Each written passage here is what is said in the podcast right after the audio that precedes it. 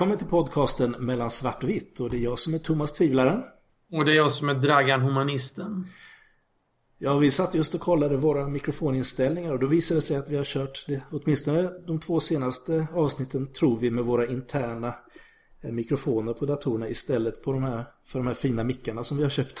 Så det är därför kvaliteten har varit så kass nu på de eh, senaste poddarna. Men nu ska det bli bättre kvalitet. Nu ska det bli bättre kvalitet. Eh, på ljudet, innehållet kan vi inte garantera. Men vi gör vårt försök. Ja, hur har veckan varit då? Jo då, den har varit helt okej okay, även den här veckan. Hur har din vecka varit? Ja, den har varit intensiv. Varit okej. Okay. Ja, just det. Skönt väder har det varit mm. nu och sådär. Mm, ja, de senaste dagarna har det inte varit så himla bra. Nej, men du vet, jag känner bara av den senaste dagen och det var okay. trevligt idag. Jag idag är det lite ditt, i alla fall hälften av eh, programmet är det ju du som ska eh, komma med lite försvar för att du har ju blivit liksom inputat lite i facket troende.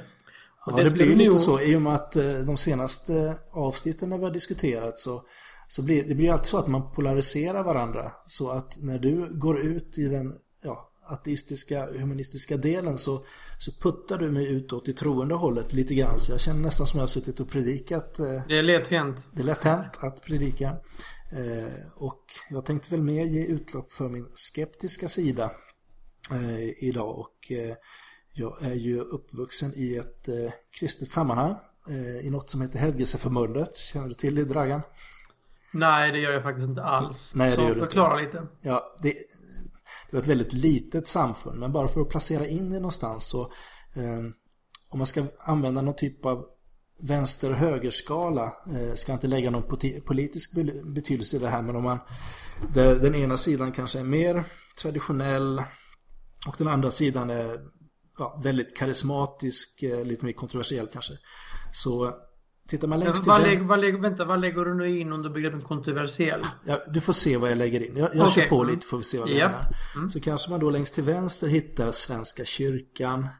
Eh, Bibeltrogna vänner finns något som heter. Och sen, sen kanske det kommer EFS, Evangeliska Fosterlandsstiftelsen.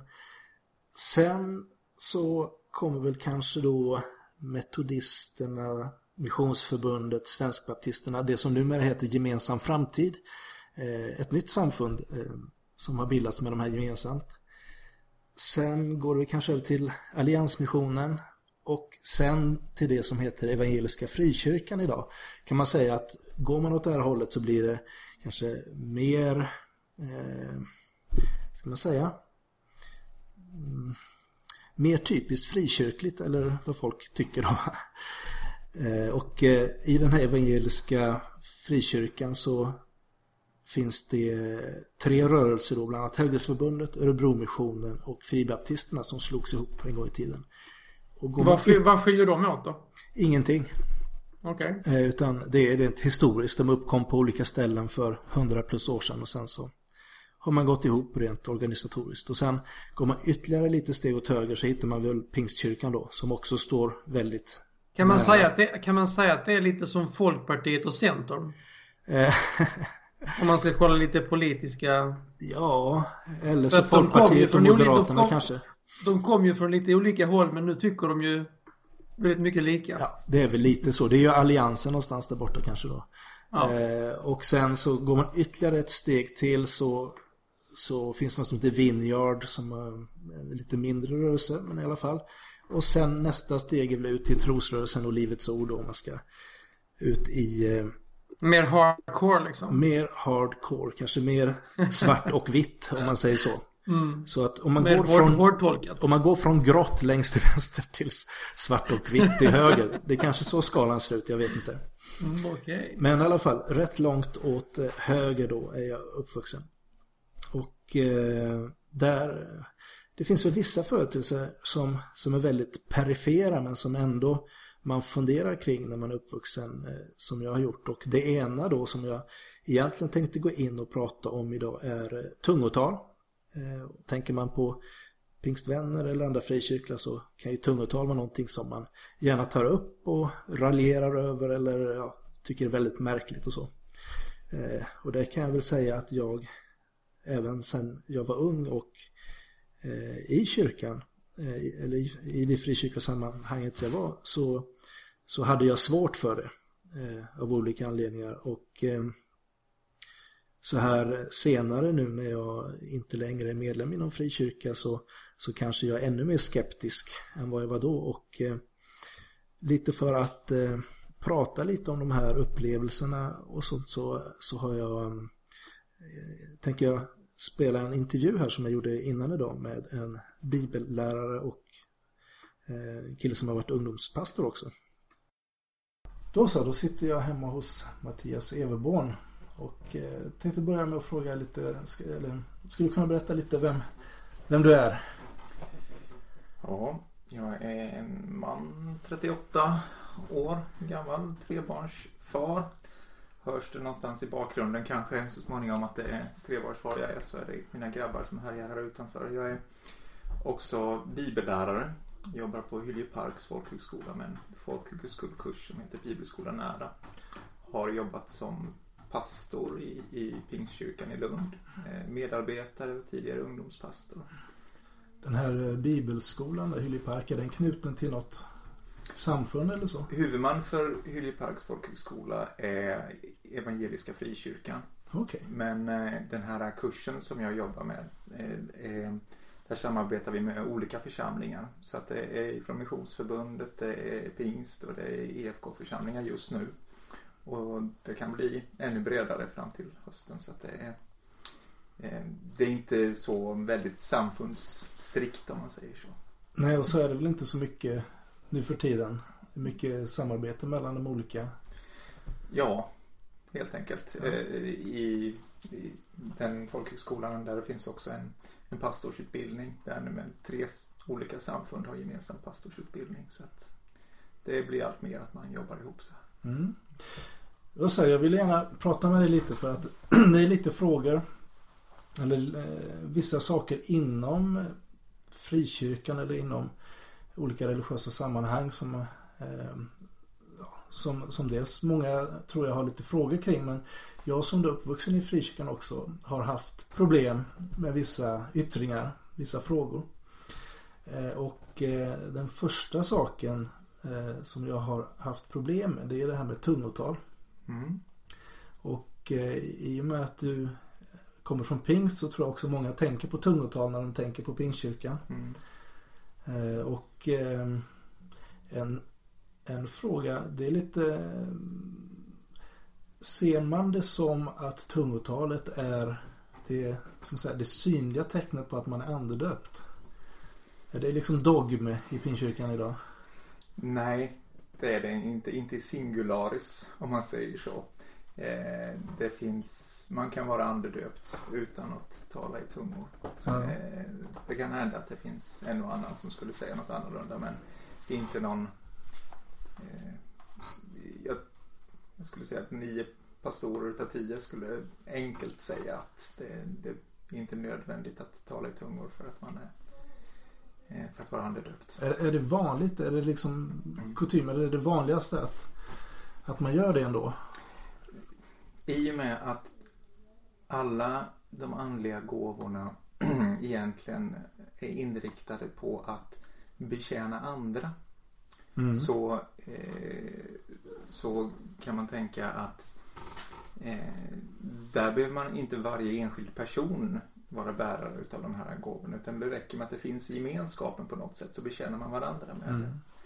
Men den typ utav tungotal, det här personliga tungotalet som är den privata bönen med, med, med Gud. Den, eh, den gynnar inte så att säga någon annan utan det är en högst personlig relation som, mm. som ges uttryck där. Då. Och därmed så tänker nog de flesta egentligen i de sammanhang jag rör mig i att det här borde vara tillgängligt för alla.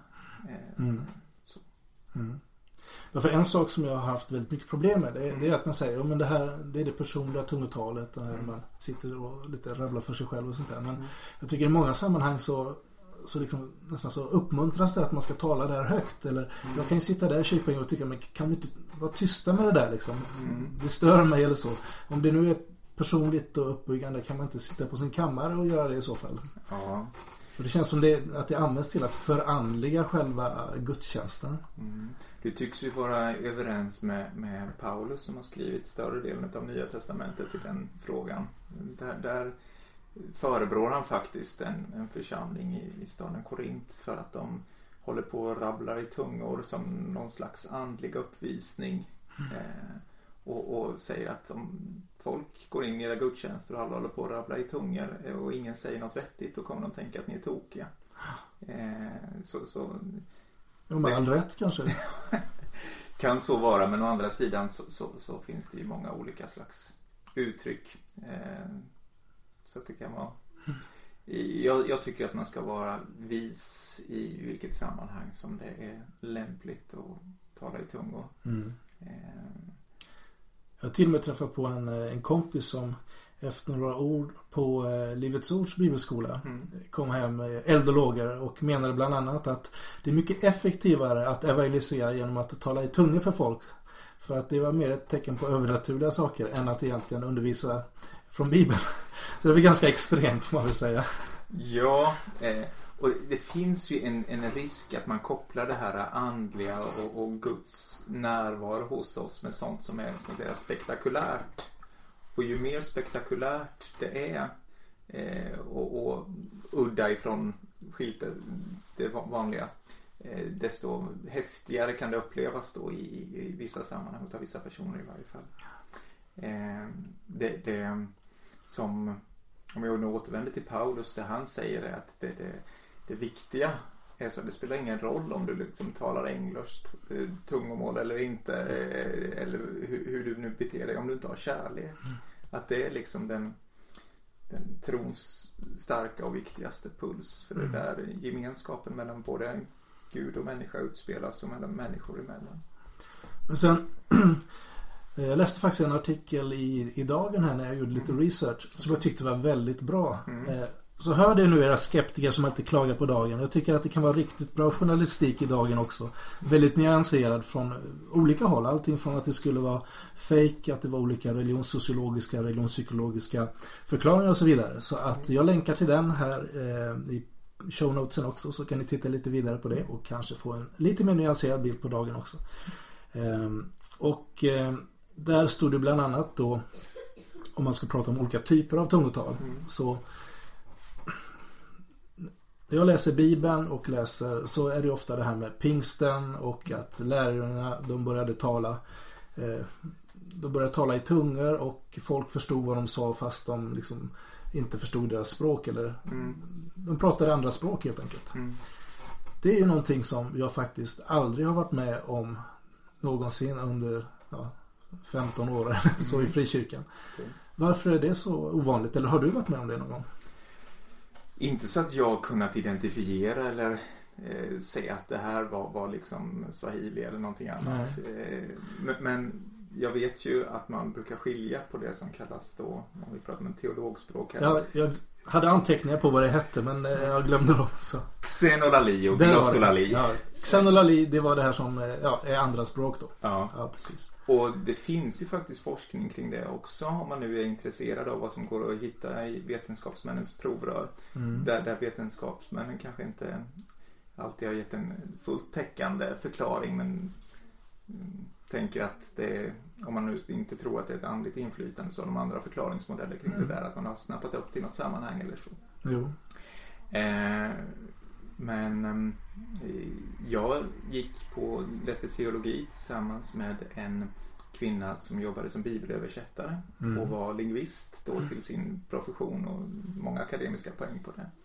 Och hon påstod att hennes tungotal hade en, en hel grammatik mm. kring det.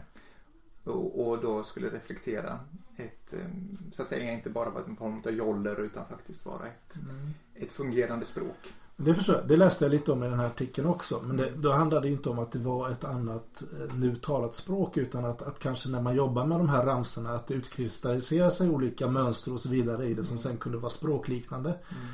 Och sen tycker jag att när man hör talas om lite så här hörsägen att det är någon som har pratat ett annat språk så är det ofta swahili eller något afrikanskt språk. Det är ju aldrig holländska eller liksom finska eller sånt där som någon har börjat prata helt plötsligt. Jag har ju hört om missionärer som har hört svenska ja. på, på, på, i Afrika. Mm. Eh, så. Ja. Eh. De säger ju för sig att skånska låter som alla möjliga språk. så kanske eh, så, så, att, men ehm, eh, det är överhuvudtaget så är det här det är knepigt att göra läror och dogmer mm. utav de här sakerna och klassificera på ett väldigt enkelt sätt. Om jag skulle beskriva tungotalets funktion mm. så är det för mig i varje fall ett sätt att be utan att behöva sila orden genom förnuftet. Mm. Det är en slags direktkontakt mellan mitt hjärta och Guds hjärta där inte förnuftet behöver vara inkopplat. Mm. När jag ber med vanliga ord och det gör jag också. Mm. Så är det, då är förnuftet med i det hela också. Mm. Och, så att man kan väl beskriva det här tungotalet som ett slags komplement till det. Du talar i tungor alltså? Ja. När började du göra det? Tonåring, tidig tonår. Ja. ja. Bara kom det då vid något tillfälle eller hur, hur gick det till? Jag hade väl inte någon sån här plötslig eh, andlig upplevelse kopplad till det. Utan det var mer eh, att jag några ord kom för mig som jag mm. provade och sen undrade jag och liksom är det jag som hittar på någonting nu mm. eller? Mm. Men jag har upplevt att det är någonting som kan vara i, i funktion hos mig och ska man säga mitt mina känslor bekräftar att det, eh, jag upplever det. Men det växte fram lite och det började med... Ja. Sen kan jag väl säga Har du ett väldigt varierat tungotal som det är nu eller är det liksom? Jag skulle inte påstå mig... Eh, om, det är ändå så att jag har varit i ett och annat karismatiskt sammanhang. Ja. Jag skulle inte beskriva mig själv som någon speciellt rik Nej, okay. Eh, tungomålstalare. Nej. Okay. Mm. Nej. På tal om en väldigt fattig tungomålstalare mm. eller talerska så så hade vi en dam i församlingen som jag växte upp i som, som alltid rabblade samma ramsor. Jag kan den fortfarande. Så här, Alla masaino sissini masaino. Alla masaino sissini masaino. Mm. Lite darrig röst. Va? Den kommer jag liksom alltid komma ihåg. Ja. Och det känns ju också lite så att om det skulle vara Ja, Nej, jag vet inte. Det, det gjorde mig också väldigt skeptisk att det var liksom alltid samma sak som hon satt och mm. sa liksom. Ja. Uh, Ja, men sen jag kan känna det att eh, det är ju på sitt sätt synd då att det är så okontrollerat i församlingen. Att man liksom släpper fram det här personliga tungotalet och eh, nästan Går man ännu mer åt trosrörelselivets ord så liksom så vill man blåsa upp det ännu högre och säga nu prisar vi Gud i tungor och, mm. Eh, och så vidare då. Och det, mm. det, från min kristna syn så skrämmer det bort väldigt många också. Mm. Jo, eh, och jag tycker att man hanterat det ovist på, på många sätt och man har inte riktigt förstått eh, i vilka rum och sammanhang olika saker passar. Det är ju så att när vi har eh, när man har gäster hemma hos sig mm. så, så slår man sig oftast ner i vardagsrummet mm. och där är det möblerat på ett visst sätt. Mm. Och, och, och där har man ett visst typ av socialt samspel. Mm. Men sen har man också andra rum och nu är det ju faktiskt Är det sovrummet kanske då som är tungotalet? Nu är det ja. faktiskt att vi sitter här i, i, i mitt sovrum. Ja. För att det var det enda rummet vi kunde stänga om oss ordentligt ja, här. Och, och, och eh, jag skulle ju beskriva eh, den innerlighet om vi fullföljer analogin här mm. då. Att det är mer ett sängkammarspråk. Okay. eh, än ett vardagsrumsspråk. Men tror du, är det någonting som alla kan få liksom? Jag tror... Eh, ja, här har jag liksom inte något enskilt bibelord att peka så här Nej. direkt på som gör att jag skulle kunna säga med allt tydligt. Men jag tänker nog att det är något rimligt i att eftersom det är det här personliga så, så borde det kunna vara tillgängligt för alla på ett eller annat sätt. Och sen kan man få vara olika rikt utrustad eller så i det. Eh, jag är inte heller övertygad, för jag vet ju att det här med tungomålstal förekommer inte bara i, i, i kristen eh, miljö. Mm. Utan det finns ju andra religioner och så här också. Eh, och det finns i okulta sammanhang och det finns så här.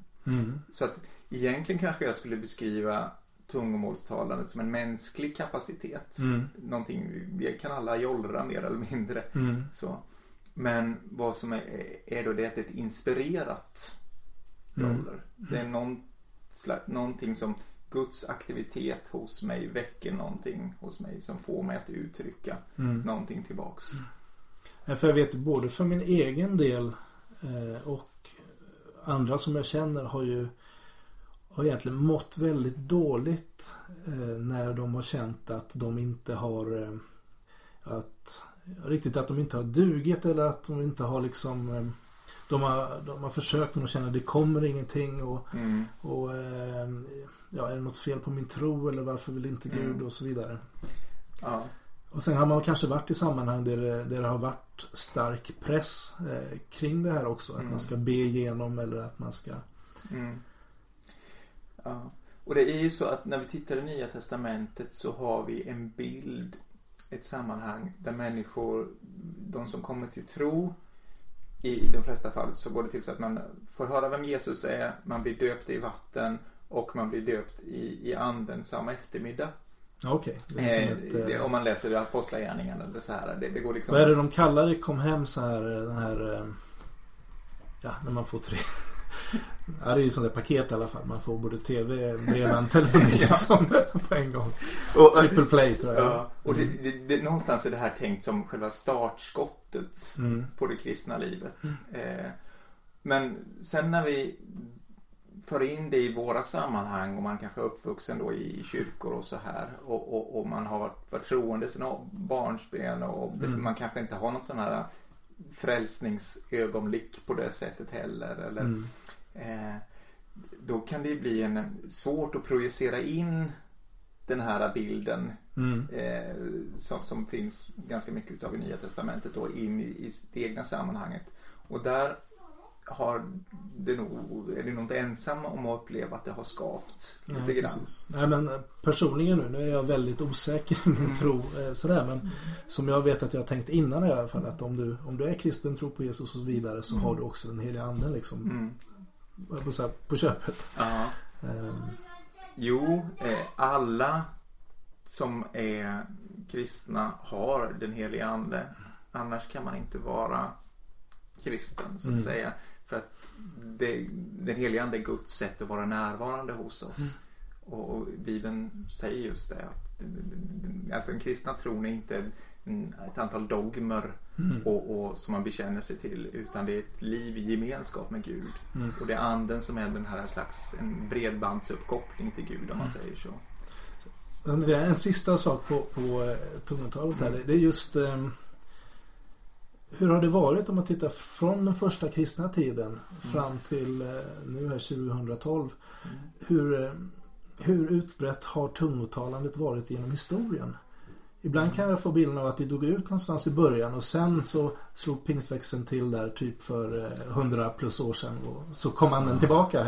Ja, det var ju den självförståelsen då ja. man hade i, i det här sammanhanget. Ja. Och man sjöng en sång Nu är sälaregnets tid.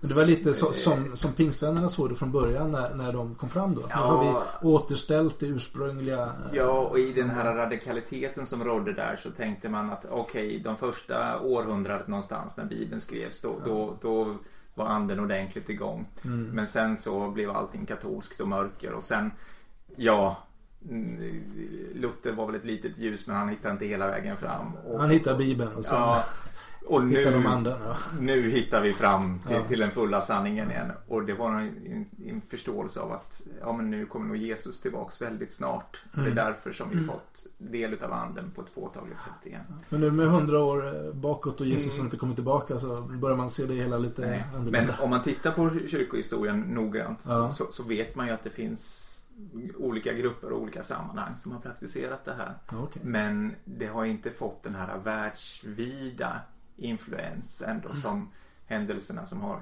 i, hör i samband med den här Azusa Street 1906 Okay. Eh, har gjort. För att det har ändå fått ett otroligt genomslag. Ja. Man beskriver att det är ungefär en halv miljard karismatiker okay. eh, idag.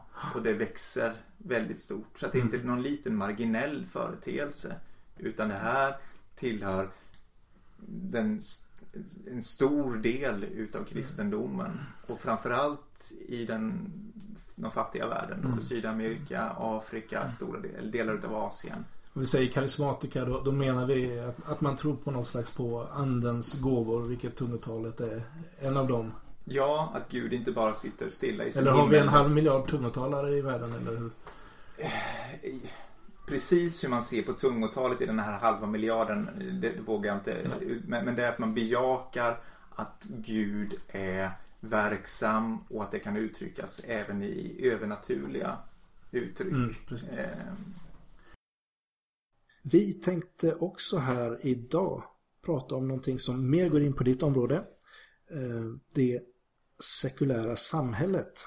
Yes. Och eh, sitter här och väntar på att Anders Hesselblom ska ringa in. Känd från Radio Howdy och Skeptikerpodden. Var det inte honom du pratade med i Radio Howdy härom veckan? Det var det. Mm, eh, lyssnade du in på det? Jag lyssnade faktiskt på det. Vad tyckte du om det då? Jag tyckte det var skoj. Ja. och fast du, jag vet inte, gjorde du lite reklam för oss eller inte? Det blev lite sådär lite luddigt. Men... Nej, det blev, det blev lite luddigt som det brukar vara med mig. Mm. Tycker du i alla fall. Nej, men jag lyssnade på det. Jag tyckte du skötte det rätt så bra faktiskt. Ja. Mm. Ja, men det, det finns finns många intressanta saker att prata om kring det där. Som, det jag tycker att man från humanisternas sida har en hel del vettiga åsikter men jag kanske funderar på vad det egentligen innebär i praktiken. Man kan inte bara säga nej. Man måste säga ja till någonting också och eh, får vi se lite var det hamnar. Anders är ju betydligt mer insatt i det hela. En sak, ja. en, en sak eh, vet jag inte om jag fick med i något mail till dig men det var någon som undrade på Twitter om man kan kalla dig för en gnostisk ateist. Det pratade vi om i avsnitt nummer två. Så där har jag svarat på det. Ja, men vi pratar inte om gnostisk ateist. Vad sa du? Agnostisk? Nej, gnostisk. Eller får du förklara vad det är för något? Ja. Om jag har förstått det rätt så är man agnostisk så menar man ju att man, man kan inte veta.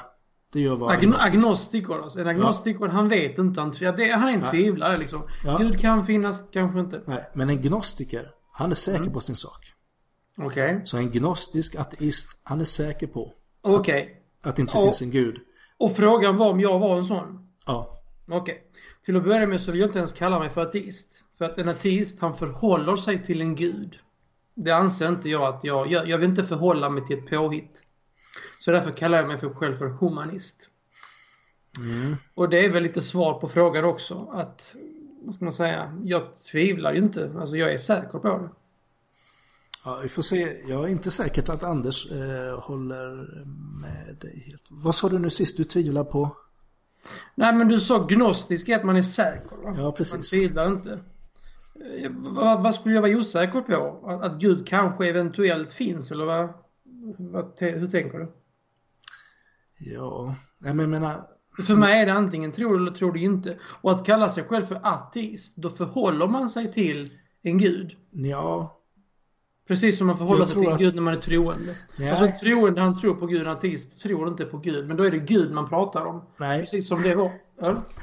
Eh, jag skulle inte säga det. Jag skulle säga ateist är avsaknad av tro. Att man inte behöver ja, förhålla sig men det, som, som sagt, det finns ju många olika uppfattningar om en, eller förklaringar till vad en ateist är. Det... Och, eh, I avsnitt nummer ett så pratade vi även om vad Hitchens tyckte. Och han hade ju en tredje förklaring då så att säga. Mm.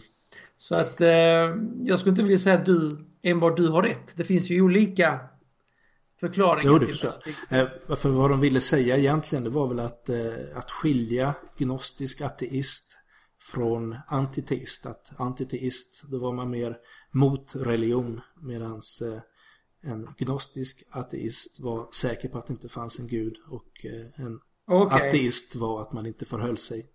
Okej, okay. då, då, då, skulle jag, då skulle jag inte vilja kalla mig någon av dem utan jag kallar mig för en humanist. Okej, okay, du kommer undan med det så länge. Nej, men alltså jag tycker inte du kan... Alltså jag, som, en, som humanist tycker jag inte att... Jag känner inget behov av att strida och liksom... Eh, alltså vara på det sättet som en antiteist är. Utan Nej. alltså eftersom jag inte tror på vidskepelse, vilket jag tycker att allt det här med religion och allt, all, alla de här grejerna som du även tar upp här med tungtal och helande. Jag ser ingen jätteskillnad mellan, mellan sådana grejer så att säga. Jag, jag ser allt det som vidskepelse. Och liksom det finns inget, alltså jag, jag, jag, känner inget behov av att strida för det. Det är bara liksom att förkasta och eh, säga som så här att folk behöver utbildning. Nu har vi någon på gång. Ja. Hallå, hallå. Hallå, hallå. hallå, hallå. Välkommen Anders till Mellan svart och vitt. Tack så mycket, tack. Ombyta roller den här gången. Ja, jag vet, jag vet. Eh, hej förresten. Eh, ni, ni, har inte dragit igång eller sådär? Nej, alltså vi har smygstartat lite faktiskt eh, programmet. Och eh, vi är väl inne på nu att vi, vi tänkte diskutera det, det sekulära samhället. Något som vi också var lite inne på på Radio Howdy sist. Mm. Och eh, kände att jag skulle vilja fortsätta fördjupa det hela. Och eh, jag har försökt läsa in mig lite på också, eh, du har säkert mycket bättre koll på det här, men en av de stora bitarna i det, det är ju att man, att jag tror humanisterna driver rätt hårt att eh, staten ska inte ge något, eh, några bidrag till religiösa rörelser eh, mm. överhuvudtaget. Jag ska säga att ni tog mig lite grann off guard här. Okay. Eh, så jag är inte helt med på vad ni har pratat om. Men eh, det låter lite grann som en förenkling. Men det blir väl nästan mer korrekt om man säger som så här att staten ska inte subventionera någon specifik livsåskådning. Okay. Antingen ekonomiskt eller på något annat sätt. Ja, precis. Nej, men det... Så som jag har uppfattat det. Ja. Det låter mer ska säga, genomtänkt sagt kanske. Eh, och, Smart. Eh, jag tittade lite på det här och eh, det finns ju någonting som heter SST, Nämnden för statligt stöd till trossamfund. Mm. Jag var bara lite nyfiken på att gå in där och se egentligen vilka är det som får stöd och lite för vad och så vidare. Jag är 22 stycken tror jag. Ja, någonting Som sagt, jag är inte alls förberedd utan... Nej. Ja. det, det behöver inte vara på det sättet. Utan som sagt, vi har bara lyft in dig helt hipp som happ här för att vi gärna ville ha en, en humanist och någon som hade åsikter kring det hela. Men eh, och vad jag kunde se det var att, en, att det var en 50 miljoner som hade då eh, gått till, ja det var en stor mängd frikyrkor och ortodoxa och ja, både mus, muslimska och buddhistiska samfund. Tittar vi på just den biten med ekonomiskt bistånd till församlingar så pratar vi om jättelite pengar på ja. varje intjänad hundralapp. Sen, eh, sen, sen, så ligger ju aktivitetsstöd utöver det egentligen från, från kommunen mm. och så vidare. Så det här var rent statligt stöd. Eh, ja. Och eh, vad jag förstår också rent statligt, alltså för er som undrar då hur mycket pengar som egentligen går från staten och så vidare. Så, så tror jag att Svenska kyrkan då fick eh, i och med att de då får ta in avgifter via kyrkoskatten låg på ett värde av 140 eh, miljoner tror jag. Sen... Ja, det är, ju, det är ju en gratis tjänst alltså, utan vi skattebetalare betalar ju en stor del av deras administrativa kostnad. Vi, vi bjussar på det trots att de egentligen är ett trosamfund och inte en myndighet idag. 115 miljoner ser jag här i mina anteckningar. Och okay. Mm. Sen så var det även ett underhåll då till ja, kyrkoantikvarisk ersättning då på 460 miljoner. Jag har bara jag är lite intresserad av att börja titta på det här. Jag har ingen större uppfattning om vad det, vad det kan handla om totalt. Men, men eh, jag tror säkert att sen ligger det ju väldigt mycket i de här mer lokala bidragen där man kan söka bidrag för att man har ungdomsverksamhet, att man har olika projekt eller eh, sådär. Så att eh, det finns ju många möjligheter för, för livsåskådningsverksamheter då att söka Bidrag. Men så gäller det att komma ihåg att samhällets subventioner till olika religiösa organisationer är ju inte bara finansiell. Nej. Utan de blir också anlitade för till exempel krishantering och sådana saker. Mm. Så eh, man favoriseras lite grann om man har en tro i ryggen. Ja, jag läste också det. Det var också SSTs roll att eh, hjälpa egentligen samhället att koppla ihop folk eh, när det hände någon sån här krissituation. De tog den här branden i Göteborg som ett exempel. Eh, där de hade sett eh, alltså värdet i att till exempel då koppla ihop eh, eh, ja, om, om det var ungdomar eller så som kom från ett visst kulturellt sammanhang eller en viss religion då med, med eh, som säger, personer från de sammanhangen som någon typ av samordnande där. Eh, sen vet jag inte i vilken, det var väl kanske ingen ekonomi utan det var mer att de hade den kontakten och kunde då förmedla det hela. Mm. Eh, sen eh, Sen var det lite intressant tycker jag att titta när det gäller statsbidragen där, vilka som inte var med. Ja. Eh, och där kunde man ju konstatera att, eh, och det är ju också vissa krav för att kunna få statsbidrag. Och några som väl, och det var ju lite diskussion här nu med, med Uppdrag granskning och de muslimska organisationerna där då om, om verkligen för det handlar någonting om att man ska bland annat då stå för de värderingar som ja, är i samhället och att det ska... Ja, reglerna är ju utformade på ett sådant sätt att de gagnar ögonkänneri. Ja, kan man kanske säga. Men eh, Jehovas vittnen har ju varit diskvalificerade. Och det är väl bara för att de uppmanar sina, sitt folk att inte rösta, som jag har förstått det. Precis, det är därför. Skulle, skulle, man gräva i det där så skulle man ju hitta tusen anledningar till varför de är diskvalificerade. ja. Säkert. Sen, sen, läste jag i och för sig här att, att de kanske är på gång in. Det var senaste gången de ansökte 2009 eller sånt där så fick de avslag men, men eh, menar egentligen då att det är upp till den enskilde medlemmen. Då var det senaste jag läste så vi får väl se. Mm. Men det, det, finns ju ett problem här därför att eh, man vet ju när man är granskad och man vet ju när det är dags att uppge vad man egentligen står för. Så lär man sig att kryssa i rätt kryssrutor på ansökningsblanketten och lär man sig att uppföra sig under tiden när en eventuell granskning pågår. Det är inte så aktuellt för trossamfund, det är ju mer aktuellt för en friskola eller något sånt här. De mm. blir ju granskade väldigt hårt. Va? Men vet man när man är granskad så kan man ju sköta sig då. Så det, eh, det här är ett jättedumt system att mm. det ska vara religion ska vara en faktor i vem som får eh, ekonomisk, eh, ekonomiskt bistånd av, och från, de offentliga, från de offentliga medlen. Man. Jag kan hålla med dig att just, just när det gäller friskolor så finns det ju en del rätt så kontroversiella exempel där också man har fått väldigt mycket kritik och eh, ibland så startar man helt enkelt en, en ny skola med samma lärare och så vidare och på så sätt kommer undan. Så att, och det finns ju det finns ju mekanismer där, där man har chans att rätta till och, och sådär. Så att det, är ofta, det är rätt svårt ofta att få en friskola stängd. När det kommer till just skolor så bubblar det ju upp sånt här att individuella lärare kan säga att det här och det här sysslar vi med och det här och det här står vi för.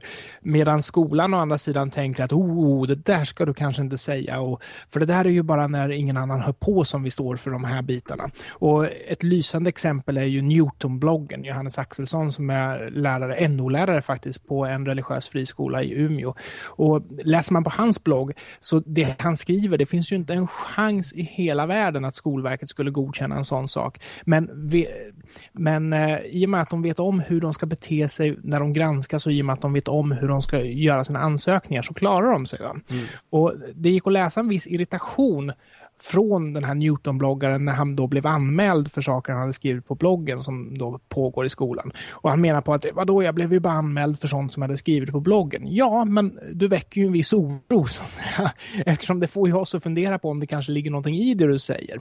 Men vi kan ju inte göra så mycket annat än att liksom skicka dit en inspektion och de kan ju göra mycket. De kan ju så att säga skärpa sig under tiden de är under granskning och sådana saker. Mm. Så eh, vi, vi står lite grann eh, maktlösa här eh, mot eh, liksom religionsfriheten eller friheten från religion snarare. För mm. det är ju faktiskt så att lyfter man bort religionen ifrån till exempel skola och sådana saker har man ju inte slagit undan fötterna för de som vill praktisera sin religion. Eller de, som, de föräldrar som faktiskt vill indoktrinera sina barn i religiösa föreställningar. Den möjligheten kvarstår. Däremot så slår man ju faktiskt undan fötterna för de som vill att barnen ska ha en korrekt förståelse av hur naturen fungerar. Om skolan säger en sak och naturvetenskapen säger en annan. Mm. Då, man får ett förtroendeproblem när man säger att läraren blir på något sätt tvungen att säga till sitt barn att ja, du ska inte tro på allt du hör i skolan. Nej, Då på något sätt förstör man för, för elevens möjlighet att, att lita på det de får höra. Ja, nej, det är en helt vettig åsikt. Jag tittade också på, eh, på den här listan och eh, det saknades till exempel även då mormonerna, scientologerna. Livets ord saknades och en del andra trosrörelse. Kopimismen.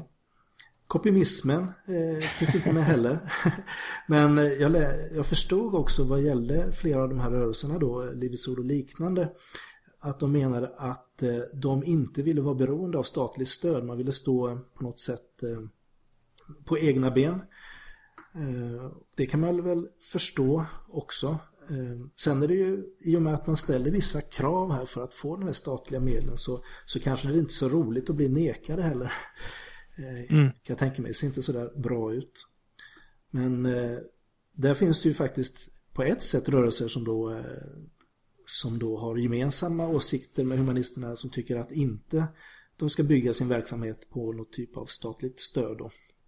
Sen mm. kan man väl säga att eh, om man tar scientologikyrkan som ett exempel eh, tar väl in, nu vet jag inte exakt om de får stöd till sina andra verksamheter som Narconon för för missbrukarvård eller kriminon för, eh, för liksom hantering av sådana som har varit eh, ja, fängelsekunder mm. helt enkelt. Eh, men så kan det säkert vara i, i andra fall att man då får stöd till andra verksamheter då som men sen så ska vi inte haka upp oss för mycket på vad man får stöd eller ekonomiskt stöd för. Därför att det finns ju vissa grundläggande saker som man inte kan köpa sig fri ifrån i Sverige. Mm. I USA så är det helt okej okay att sätta dina barn på en friskola som inte lever upp till de kraven som regeringen ställer på skolan under förutsättning att då skolan inte lyfter något bidrag. Du får betala utbildningen liksom bäst du vill, så för egna pengar eller via sponsor eller något sånt där. Men i Sverige finns ingen möjlighet att köpa sig fri från den utbildningen i och med att vi har en skolplikt på ett helt annat sätt. Mm. Så det betyder att även om jag skulle starta en skola och eh, inte ta emot en spänn ifrån staten så kan inte den skolan ersätta den grundskolan som barnen har rätt att gå i. Mm. Så pengar är inte allt, utan det viktigaste är ju barnens rätt till en objektiv utbildning. Mm. mm. Men där menar du att i och med att vi har skolplikt Ja, då så... ingår ju så att säga vissa saker i det. Och ja. i skolplikten, eh, det, i det ingår ju att man ska följa lär, lärarplanen och i den ingår absolut inte att plantera föreställningar om att vi handgripligen skapade för 6000 år sedan. Så, så där menar du att problemet är inte att man får pengar utan problemet är att man kanske då inte följer... Att det är inte det enda problemet. Nej, Nej precis. Eh, en mm. sak som jag har funderat på lite i... Eh, jag är rätt nyfiken och vill gärna lära mig mer om på det sättet som eh, ja, hum, humanisterna ändå måste tänka sig någon typ av transformation av samhället. Eh, I och med att det finns, det finns ju många säga, sammanhang där då de konfessionella rörelserna spelar en roll. Alltså alltifrån Stadsmissionen kan man eh, prata om, man kan prata om eh, ja, Svenska kyrkans roll i diakonin eller och, och eh, ja, missbrukarvård och allt möjligt. Mm. I en, ett samhälle som, som, vad ska man säga, där den här typen av samhällsfunktioner är helt sekulära hur ska vi komma dit? Eh, ska, liksom, ska prästerna och pastorerna och alla de här som ändå har kompetens och, och så vidare, ska de ta anställning i, i några typer av ja, andra sammanhang? Eller jag bara försöker se det framför ja. mig. Hur, hur ska ett sånt samhälle se ut? Ja, igen, alltså, jag hör ju de här frågorna för första gången, så jag överhuvudtaget inte förberett mig på några svar.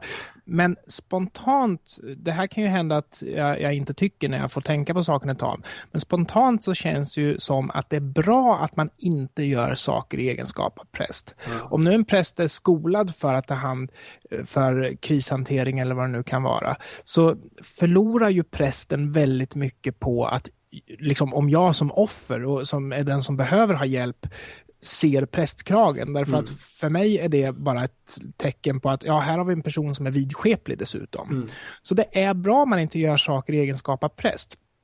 Eh, däremot så kan ju personen som jobbar som präst då också i egenskap av någonting annat, psykolog eller whatever, mm. eh, göra en enorm nytta. Det gör ju ingenting att han är präst. Men, Nej, men det är ett problem att man gör saker i egenskap av präst. Och det är väldigt populärt bland eh, kristna att skylla på muslimerna här, vilket jag tycker är extremt eh, lågt gjort. De säger, ja men jag har en kompis som är muslim och han hade ingenting emot att det var en präst. Det är ingen som har sagt att det är muslimerna som opponerar sig. Muslimer och kristna har väldigt mycket gemensamt när det gäller synen på, på hur världen är beskaffad. Problemet är ju vi som är ateister.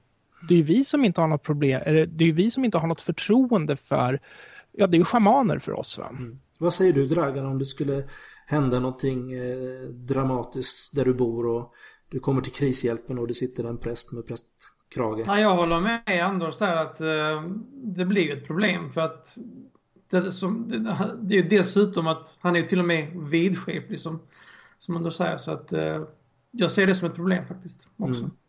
Och är det då så att man gör det i egenskap av någonting annat så gör det ingenting om personen i frågan tror på Gud. För jag menar, vi är ju alla för eh, trosfrihet, åsiktsfrihet. Om han nu är präst så kommer det ju komma fram ändå. Så att... Ja, det är ju väldigt viktigt att eh, personen i fråga är professionell i sitt arbete och inte hänvisar till Gud i sitt stödarbete. Men det tror inte jag att en präst skulle ha gjort, för då skulle, han, eh, då skulle han inte vara professionell i sin roll i alla fall. När han predikar så ska han hänvisa till Gud. Så Eller du, tror att, är... du, du, tror det räcker att han tar bort klagen då? Så kan han... Ja, i princip. Kanske inte okay. bara det, men är det så att han gör ett professionellt krisarbete och inte gör det egenskap av präst, är han professionell så hänvisar han inte till Gud. det, är samma, det är samma egentligen som att det finns säkert många eh, djupt kristna som är psykologer Ja, men, ja, ja. men när det kommer någon och, och besöker deras eh, mottagning så, så lägger de nog inte händerna på dem och, och ber utan vidare utan de, de är ju i sin professionella roll.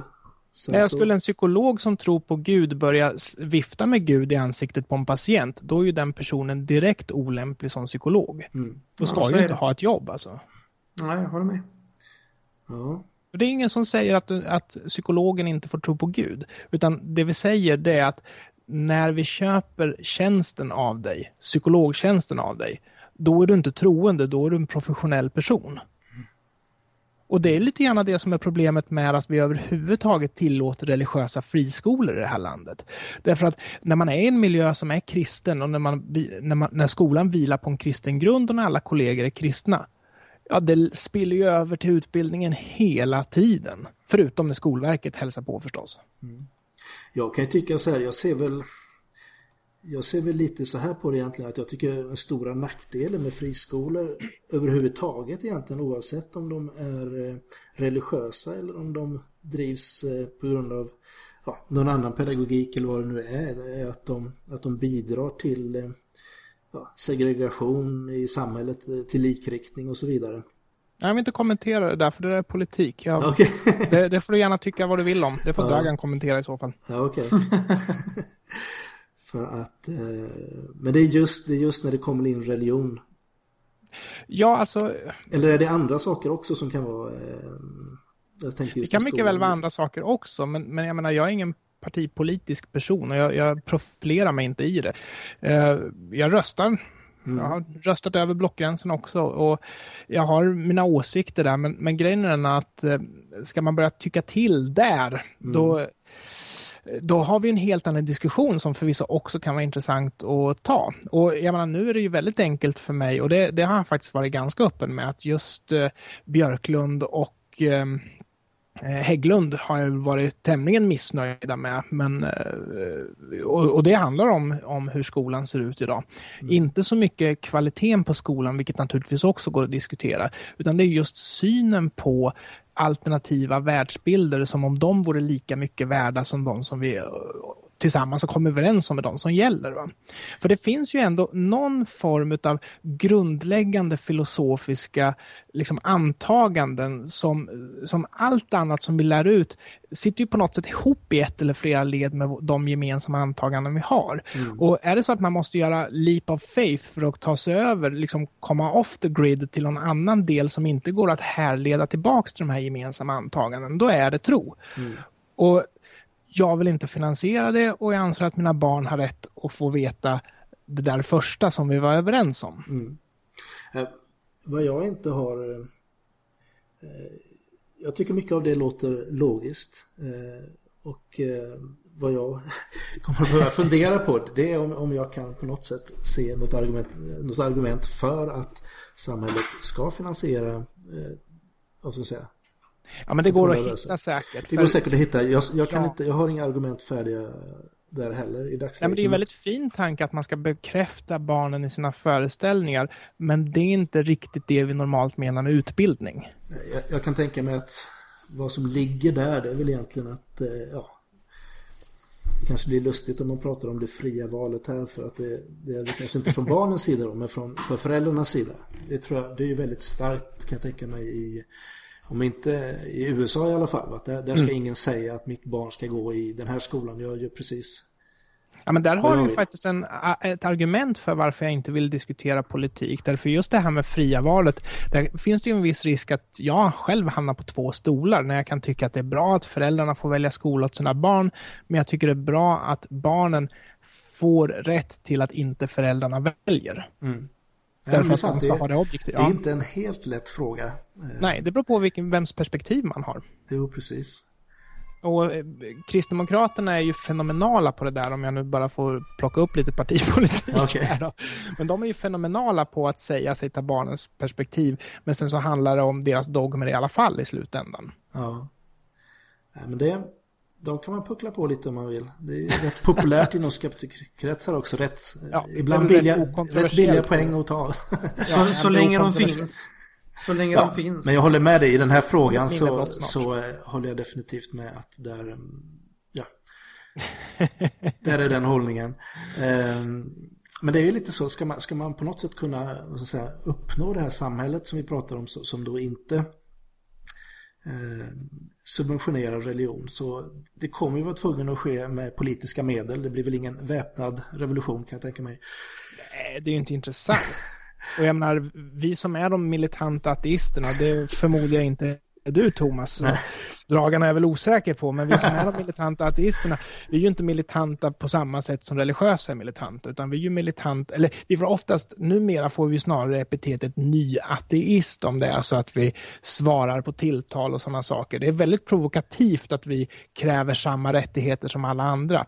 Men förr sa man kanske militant ateist om det, men jag tror att även de som... Är inte det antiteist nu? Antiteist? Ja, ja, precis, det är ju det. Eh, antiteist är väl lite grann det som vi säger säger. Men, men nyateist är ju kanske skällsordet som man får ta ibland. En okay. ateist som pratar, vad är det här?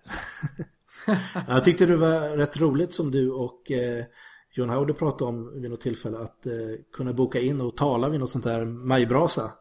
Ja. Att, säga, att säga att Gud inte finns.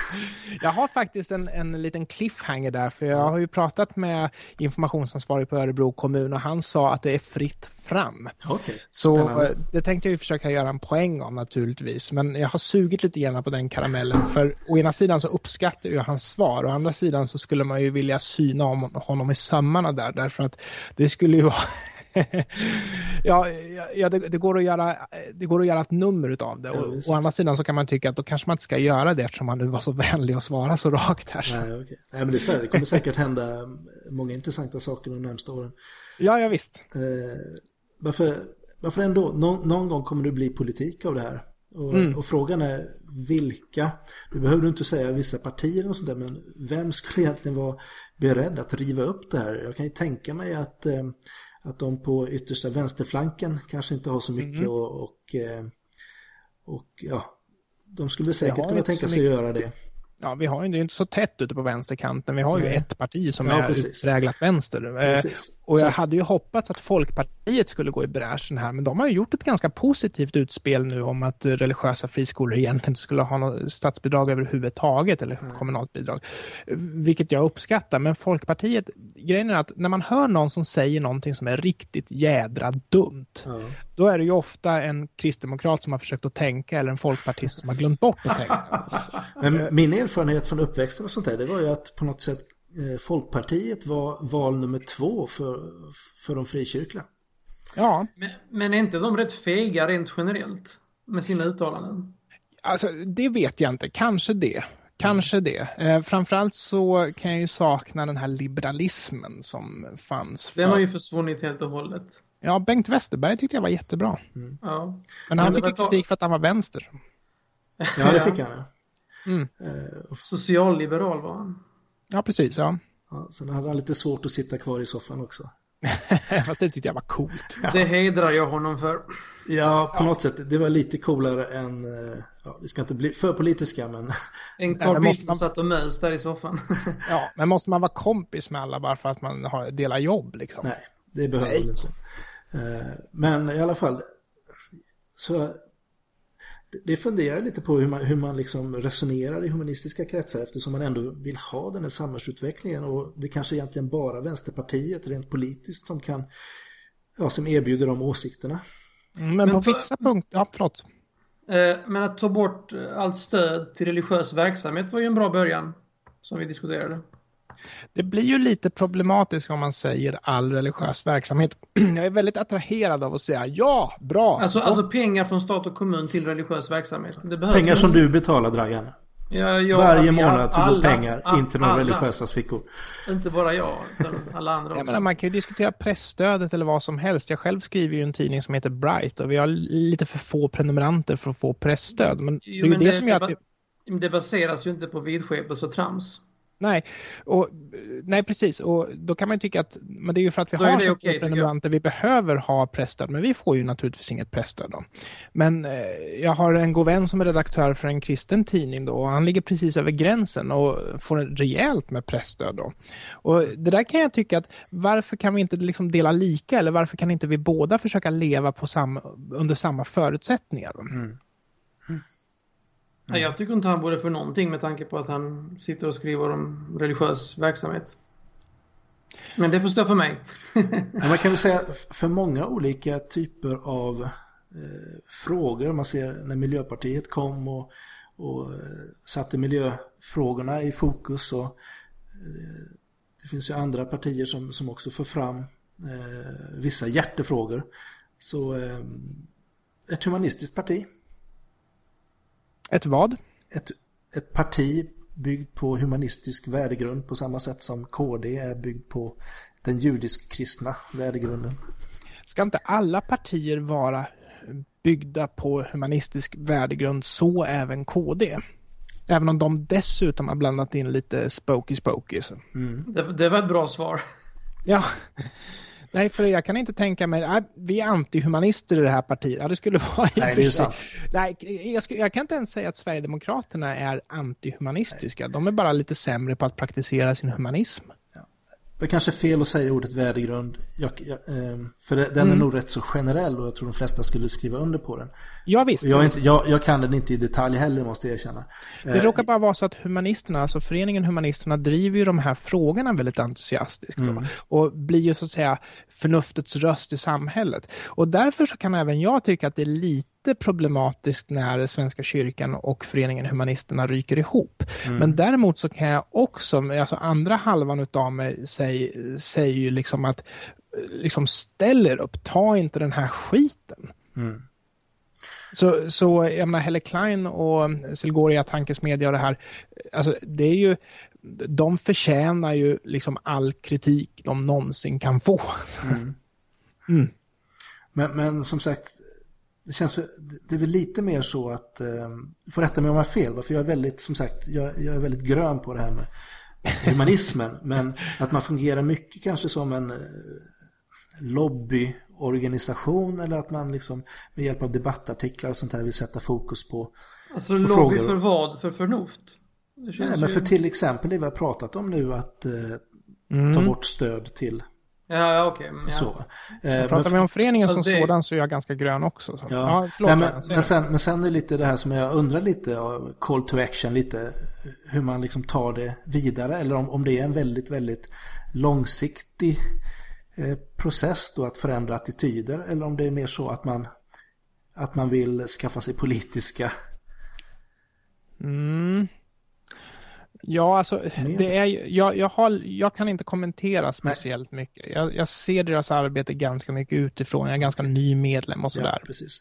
Men, Nej, hade det... inte du något på hjärtat där, Dragan? Jag tycker att jag har pratat så mycket, jag har släppt in det. Det är jag som har varit rätt uh, tyst här, men ni, ni, är ju lite mer rappa i käften än vad jag är, uppenbarligen. Ja, du kanske tänker lite mer, Dragan. Du kanske kan säga något riktigt vis nu. Ja, nu satte ni mig på pottan här. Ska vi säga, vad skulle jag säga nu? Nu glömde vi nästan bort det. Eh, vad skulle jag säga nu här? Känn pressen. Nej, nej nu, nu försvann det. Pratar ni på här. okay. Ja, nej men som sagt det här det här blir säkert en diskussion som vi kommer att återkomma lite till och det, jag är lite nyfiken på vad, vad som sagt vad man har för eh, vad man har för plan helt enkelt. Apropå politik så kan tro bli politik ibland. Jag skulle vilja knyta an till någonting som du Thomas sa i första avsnittet. Okej, okay. så du har lyssnat på första avsnittet alltså? Såklart. det, det Dragan ställde på dig om orsaker till tro och du kom in på blotta antalet troende. Men då skulle jag vilja säga här att det där är ju en politisk fråga därför att det säger ju snarare mer om någonting om vilken hänsyn som man ska möjligtvis ta till de som delar den här föreställningen. Det säger ju ingenting om, om föreställningens liksom, eventuella korrekthet. För ja, det är sant. Jag menar, det finns en miljard hinduer också. Precis. Nej, men om jag minns rätt eh, i sammanhanget jag sa det var lite att, eh, att eh, Dragan var inne lite på det här att ja, i stort sett att religionen var orsak till, ja, till, till det mesta eländet i världen och att det, mm. ja, att det bara liksom ja, kuvar människor och så vidare. Och då vill jag egentligen peka på att det finns väldigt många människor som är religiösa, alltså individer som har en trosuppfattning och som kanske då tycker sig ha en relation med en gudom och så vidare. Och mm. Eh, det är eh, det är inte bara institutioner och eh, organisationer och religioner mm. utan det är också individuella troende och det finns väldigt många individuella troende och deras, deras bild av religionen, huruvida den är god eller ond eller vad den ger dem i vardagen. Mm. Den, det är väldigt svårt att uttala sig kategoriskt om den.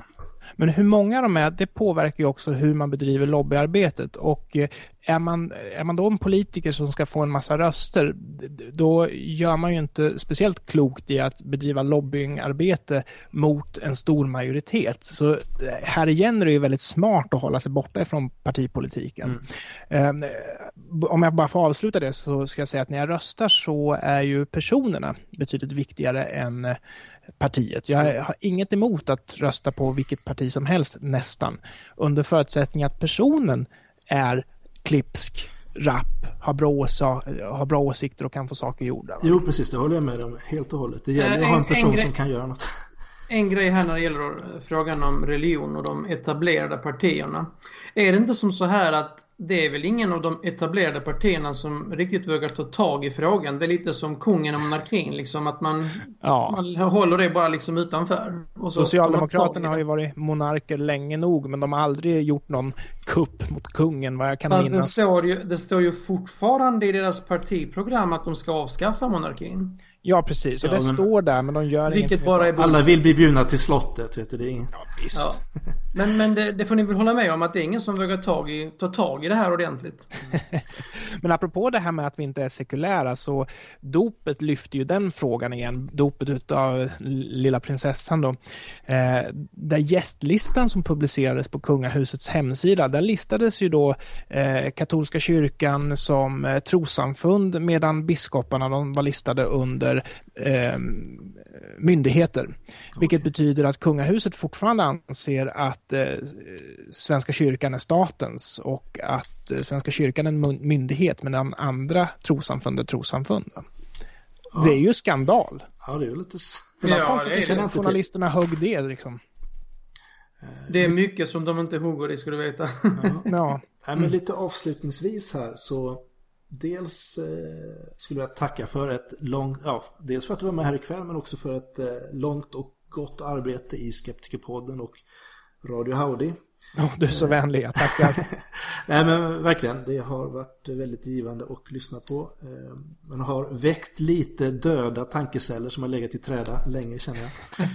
Eh, och eh, sen så undrar jag också, jag har haft ett litet en intervju här innan Mm. Där jag har intervjuat en eh, så här, ungdomspastor, bibellärare kring eh, tungotal och eh, utdrivning av, av demoner. Oh. Nu vet jag faktiskt inte om jag hinner med båda i det här avsnittet så eventuellt blir det bara tungotalet. Jag tänkte bara höra eh, med egentligen er båda om ni har någon egen personlig eh, upplevelse av någon av de här två fenomenen. Ja. Tungotal och vad var det andra? Ja, vi kan ta tungotal först. Har ni varit i något sammanhang där Nej, det talas i tungotal? aldrig. Nej, I tonåren så umgicks jag med eh, frikyrkliga. Det var inom pingströrelsen och inom Elim. Okay. Och eh, vid ett par tillfällen så, ja ah, men nu spelar det här och det här bandet, det är schysst, de spelar i den och den kyrkan. Och sen så följer man med in som gäst. Och det var väl lite grann då som jag började skruva på mig och kände att det här är inte riktigt för mig. Så då var det paus mitt i, mitt i konserten och så sträckte de upp händerna och så drog det igång här. Och jag skulle bara sjunk, vilja sjunka genom golvet för det var så pinsamt. Då drog de igång med tungotalet alltså?